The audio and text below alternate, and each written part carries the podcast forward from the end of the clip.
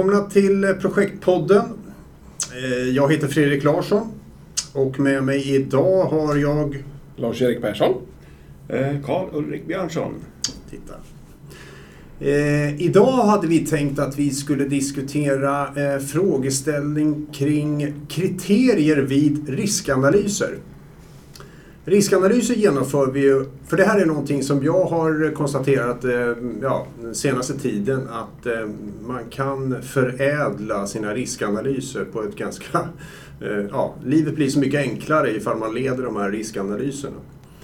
Ehm, och jag skulle vara intresserad av att höra hur ni resonerar kring det här med, med riskanalyser. Att genomföra riskanalyser, det har vi ju säkert gjort mm, ja, i många fall alldeles för många gånger.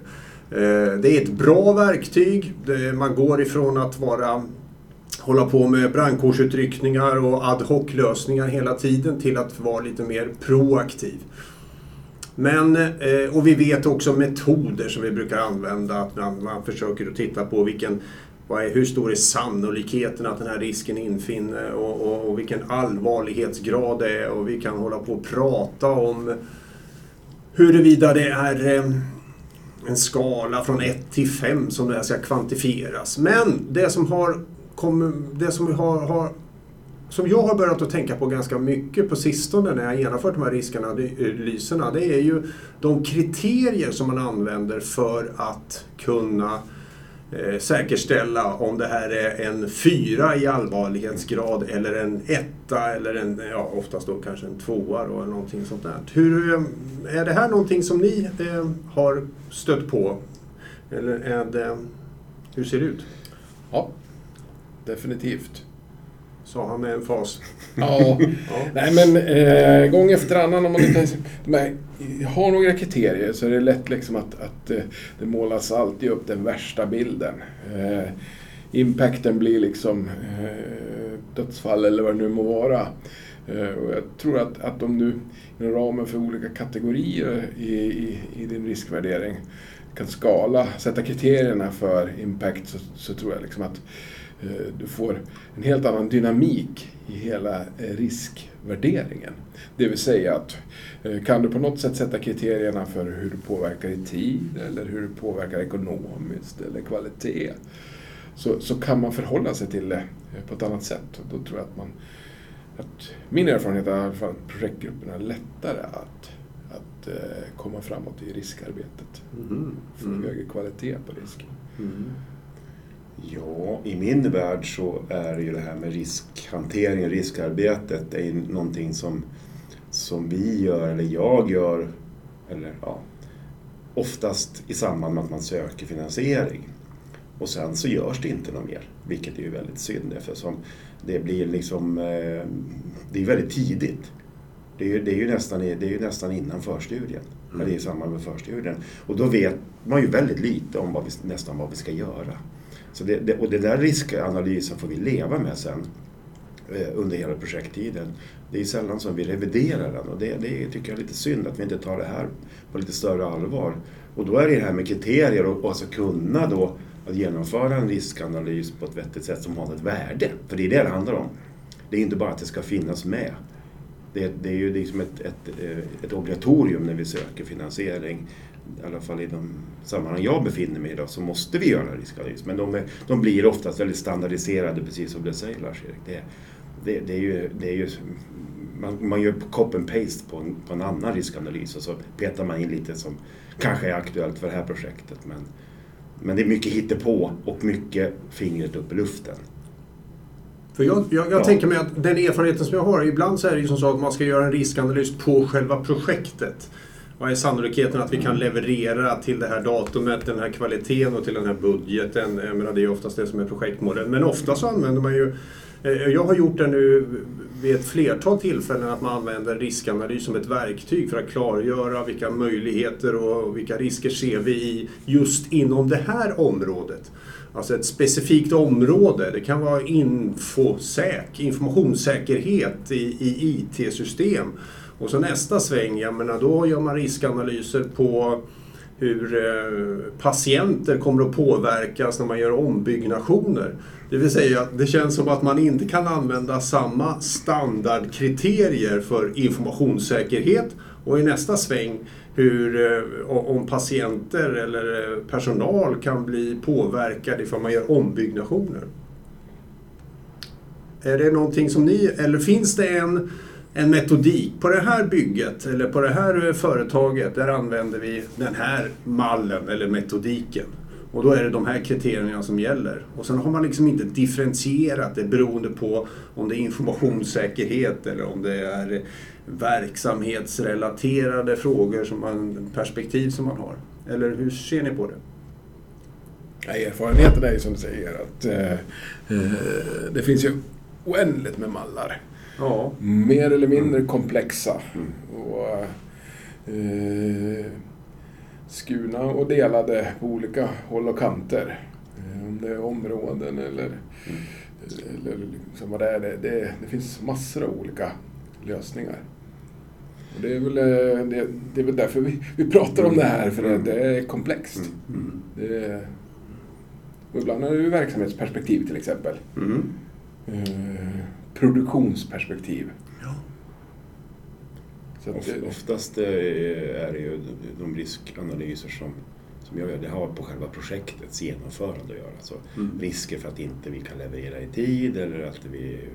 Ja, ja, projektrelaterade. Så, och det, det, är ju, det är ju, tycker jag, många gånger bara en del av sanningen. Vi skulle mm. behöva ta höjd mycket för många andra risker runt omkring också, verksamhetsrisker. För projektet befinner sig i någon slags verksamhet. Eller ska finnas, eller resultatet ska ju in i någon verksamhet mm. oftast. Och, och det här gör, tycker jag, med fördel i grupp och det brukar alltid vara eh, svårt, det brukar vara lite segt i början men sen har man fått upp några risker på, på bordet och börjat diskutera de här, då lossnar det. Och sen så börjar det komma, så dyker både det ena och det andra och upp. Och ibland gör jag en SWOT-analys som en start, bara för att man kommer igång. Och då får man ju, mejslar man ju fram lite hot och möjligheter och lite, lite styrkor och svagheter och det kan man också ha en utgångspunkt då. Men vi landar nästan alltid i minriskmetoden, alltså riskvärde kontra, alltså sannolikhet kontra eh, effekt. 1 till 5 då. Mm.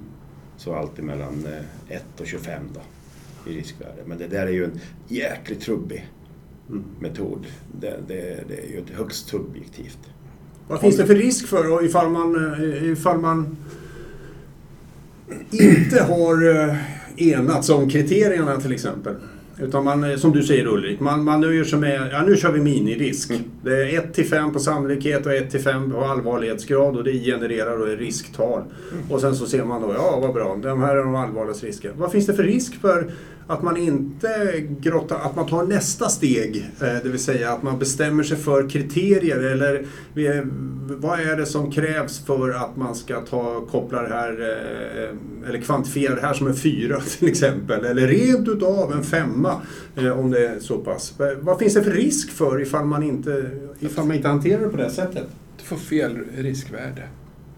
Det vill säga att eh, risken är att du till exempel får bara högriskare eller du kanske får lågriskare. Du, du får, en risk värderas till en lågrisk mm. eh, som ni kanske bara bevakar men egentligen så skulle den ha varit högre om jag hade haft fördefinierade kriterier.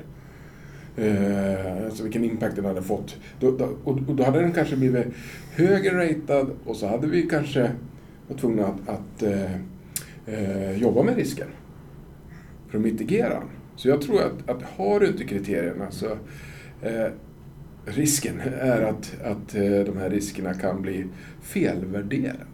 Att det går inflation i det eller att du ja. sätter dem alldeles för lågt. Ja. Det vill säga att eh, en risk som borde vara avsevärt högre risktal Ja, Ja, det, jag håller med dig. Ja, så, så, så, blir det en lågrisk ja. och, så, och så liksom bara bevakar vi den. Men i själva verket så, fasiken, den där skulle vi ju ha, ha mitigerat, den där skulle vi ha jobbat med. Ja. Den skulle vi ha eliminerat. Så jag tror att, att liksom det blir så... Eh, det blir så yvig skala. Det... Precis likadant som att eh, jag har ju suttit och tagit emot riskanalyser eh, vid ett flertal tillfällen. Där man har liksom lämnat fram, det är så rött så att ja, det, det, finns precis. ingen hejd för det. Och då är det oftast att det har varit någon jag ska inte säga informell ledare, men någon som ja. verkligen har brunnit för vissa områden. Mm. Som har, krävt, ja, som har argumenterat för att det här måste vara det absolut högsta risktalet och det här genererar och, och det blir ett risktal som är skyhögt. Eh, och man krafsar sig i huvudet och tänker hur, hur i helskotta har det blivit på det här sättet? Det tror jag. Det, det är erfarenhet jag också har. Och man liksom värderar inte ens att, att får vi så mycket blodröda risker, ja men vänta, det här ska ju inte genomföras. För det kan ju bli fallet av det hela. Ja, precis. Det är någon som drar i handbromsen. Liksom, är det så mycket risker kopplade till det här projektet? Nej men vänta, stopp och belägg. Vi lär ju ta ett omtag. Just när det går inflation liksom. Det blir blodrött. Och det, och det värsta är ju då om man kanske eh, hejdar ett, eh, ett projekt som egentligen eh, inte... Alltså man har gjort fel värdering eh, på grund av att man inte har kriterier eller gjort en felbedömning. Och, och det blir så rött, men det är egentligen inte det. Är det tvärtom också? Man kör igång det säger det ser ju jättebra ut. Och jag, jag kan tänka mig att eh, vi jobbar ju i lite olika branscher vi tre. Och i, i era respektiva, där ni hålls mest, där är det ju liksom på allvar. Ja, mer. Så. Än vad det kanske är i, i, i, och då, är det inte, då får inte riskanalysen så stort så stor genomslag i min värld. För det, det är inte så farligt om det skulle liksom inträffa. Det, det, värsta, det värsta, vad är det värsta som kan hända? Ja, det är inte så farligt jämförelsevis kanske med du, du Fredrik som jobbar liksom kanske i en annan bransch med, Mm. med, där, det- där det kanske står liv på spel och, och så. Om det gör eller inte gör. Ja, och så det är- vidare. Oftast är det som så att den högsta, där jag håller på och jobbar Mm. mo- mot, mot sjukvård och liknande sånt där, det är det högsta där, kriteriet där, det är att eh, någon ska dö. Och- Det är och ju det- väldigt sällan i Ja. många projekt. Det, Och då är det ju viktigt att man, eh, att man har det perspektivet också. ja, det, absolut. Eh, det finns ju också något annat. Det är ju att eh, jag har också varit med om eh, på sistone att eh, jag vill jämföra olika riskanalyser eller olika projekt eller något sånt. Och då blir det ju också eh, ganska snedvridet. Det vill säga, eh, om, för då jämför du äpplen och päron om man inte har använt samma kriterier eh, för saker och ting. Och då blir det ju avsevärt. Så om man ser det ur ett portföljperspektiv, det vill säga man har flera stycken projekt som man ska se vad är det som är allvarligast här som vi måste hantera i hela projektportföljen? Har du olika kriteriegrunder då, ja då blir det ju verkligen äpplen och päron. Det beror ju helt på, det blir individberoende. Och då, eh, det ska vi ju försöka komma ifrån. Ja, jag har erfarenhet där verksamheter har eh, satt upp de här kriterierna avseende sannolikhet och under sannolikhet då så har man olika kategorier för de här kriterierna och även för konsekvens. Mm. Eh, olika kategorier då. Eh, så, så får man de kriterierna.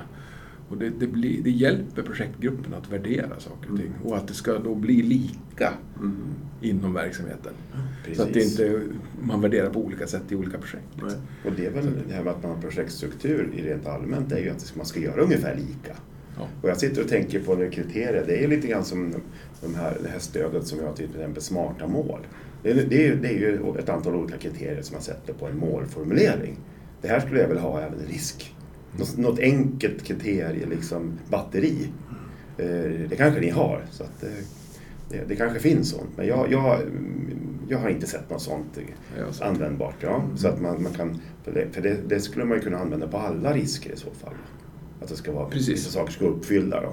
Ja. Och hur man värderar, hur man ska tänka då. Men det här är ju en konst i sig. Och jag hade ju, jag brukar, många gånger brukar jag referera till deltagare jag haft. Jag hållit på mycket med projektutbildning och, och träffat många deltagare. Och en gång hade jag en deltagare som jobbade på ett konsultföretag som jobbade med riskhantering. Alltså de jobbade med risker, det var deras liksom profession.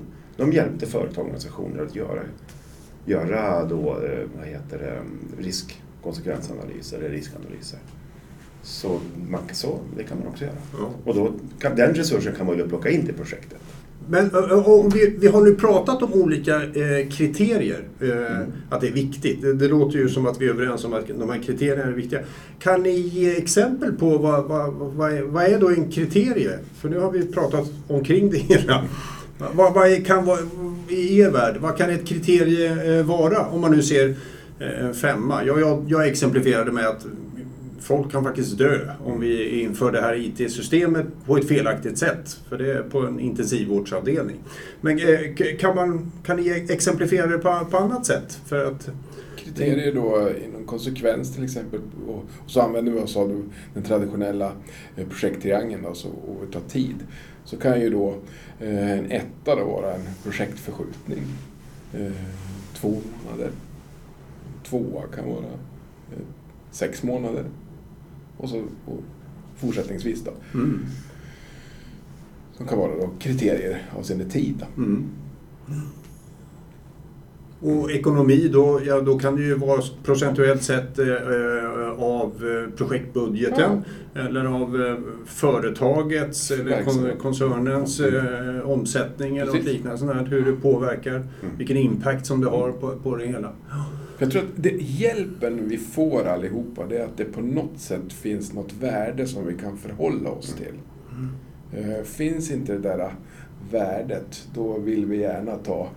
Antingen blir det, alla blir högriskare så att säga. För, Det blir mer personbundet. Ja, precis. För Kalle är, eh, han brinner för den här Ja, frågan. Och, och Kalle, ja. precis. Kalle brinner lite grann och då får han med sig alla andra och så är det, är det blodröda risker. Ja. Så jag håller fullständigt med. Det är liksom,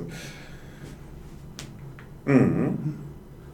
mm. Så, eh, vad säger vi då Fredrik? Kriterier vid riskanalyser. Ja, precis. Det låter som att vi är överens om att det kan underlätta eh, eh, projektarbetet om vi kan enas om eh, kriterier. Jag uppfattar det som att kriterier kan vara det är högst individuellt beroende på vilken bransch det är. Ja. Men att vi ser en poäng i att, att enas om eh, kriterier, om det inte redan finns i metodiken på företaget eller koncernen, så, så är det bra att man spikar vilka kriterier som gäller. För att undvika eh, att det blir personbundet, utan att man ska försöka... Annars är det risk för att det blir skyhögt rött, eller att man underskattar det hela, så att säga. Ja, bra. Bra sammanfattning Fredrik. Ja. Mycket bra. Kriterier, bra för riskanalyser. Va? Ja. Bra Ja. slutsats. Ser man. Ja, då tror jag vi nöjer oss eh, sådär. Eller vad säger ni herrar? Absolut. Ja, bra, bra. Bra. Tack så mycket för denna gång. Tack, Tack, tack. tack. Hej, hej.